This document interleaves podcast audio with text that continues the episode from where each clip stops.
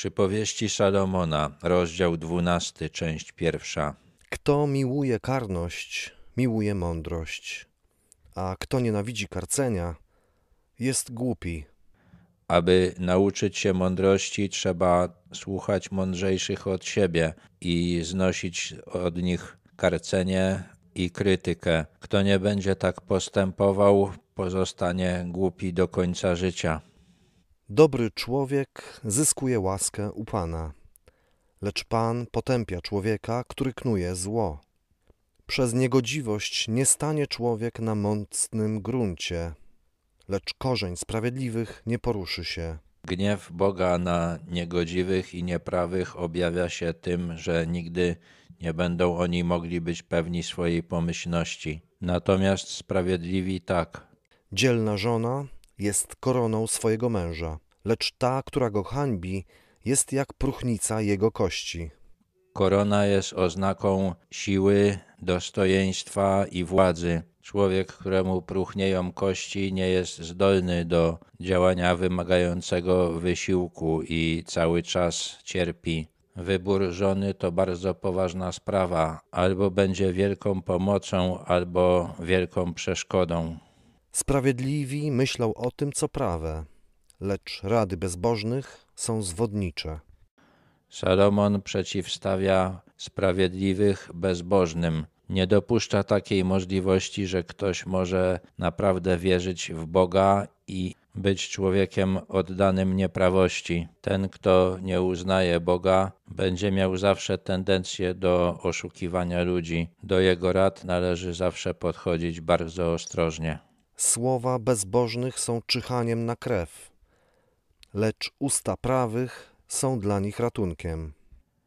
Gdy ludzie bezbożni mówią, to zwykle mają na celu zgubę tych, którzy ich słuchają. Gdy mówią prawi, chcą dobra tych, którzy ich słuchają. Bezbożni zostają powaleni i nie ma ich, lecz dom sprawiedliwych ostoi się. Salomon był pewien, że ci, którzy występują przeciwko Bogu, którzy nie uznają Jego mocy i Jego władzy, w końcu upadną. Sprawiedliwi zyskują łaskę Boga dla siebie i dla swoich rodzin i w dłuższym czasie wyjdą na tym dobrze. Chwali się człowieka według jego roztropności, lecz gardzi się tym, kto jest przewrotnego serca.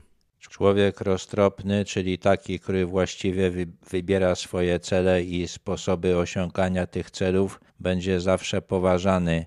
Człowiek podstępny, przewrotny nigdy nie będzie roztropny i będzie pogardzany.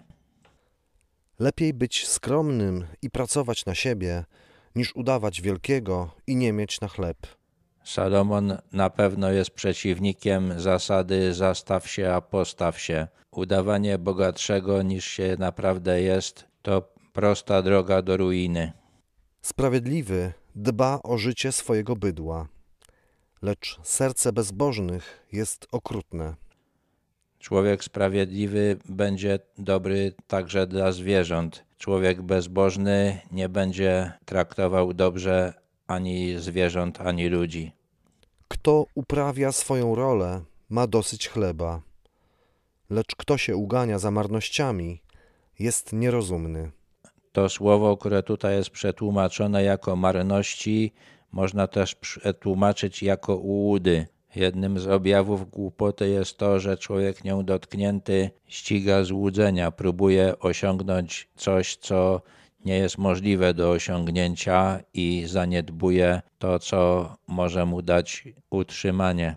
Pragnieniem grzesznika jest gonitwa za złem, lecz sprawiedliwi tkwią korzeniami w mocnym gruncie. Grzesznik grzeszy dlatego, że kocha zło, nawet jeśli nie przynosi mu ono korzyści. Człowiek sprawiedliwy ze swojego postępowania na pewno będzie miał korzyść. Zły wpada w pułapkę z winy warg, lecz sprawiedliwy wychodzi cało z nieszczęścia. Z owocu swoich ust nasycony będzie człowiek dobrem, a odpłacone mu będzie według tego, co zrobiły jego ręce. Zły człowiek tym, co mówi, zwraca wszystkich przeciwko sobie. Dobry zjednuje sobie swoimi słowami otoczenie, będzie nagrodzony i za to, co powiedział i za to, co zrobił.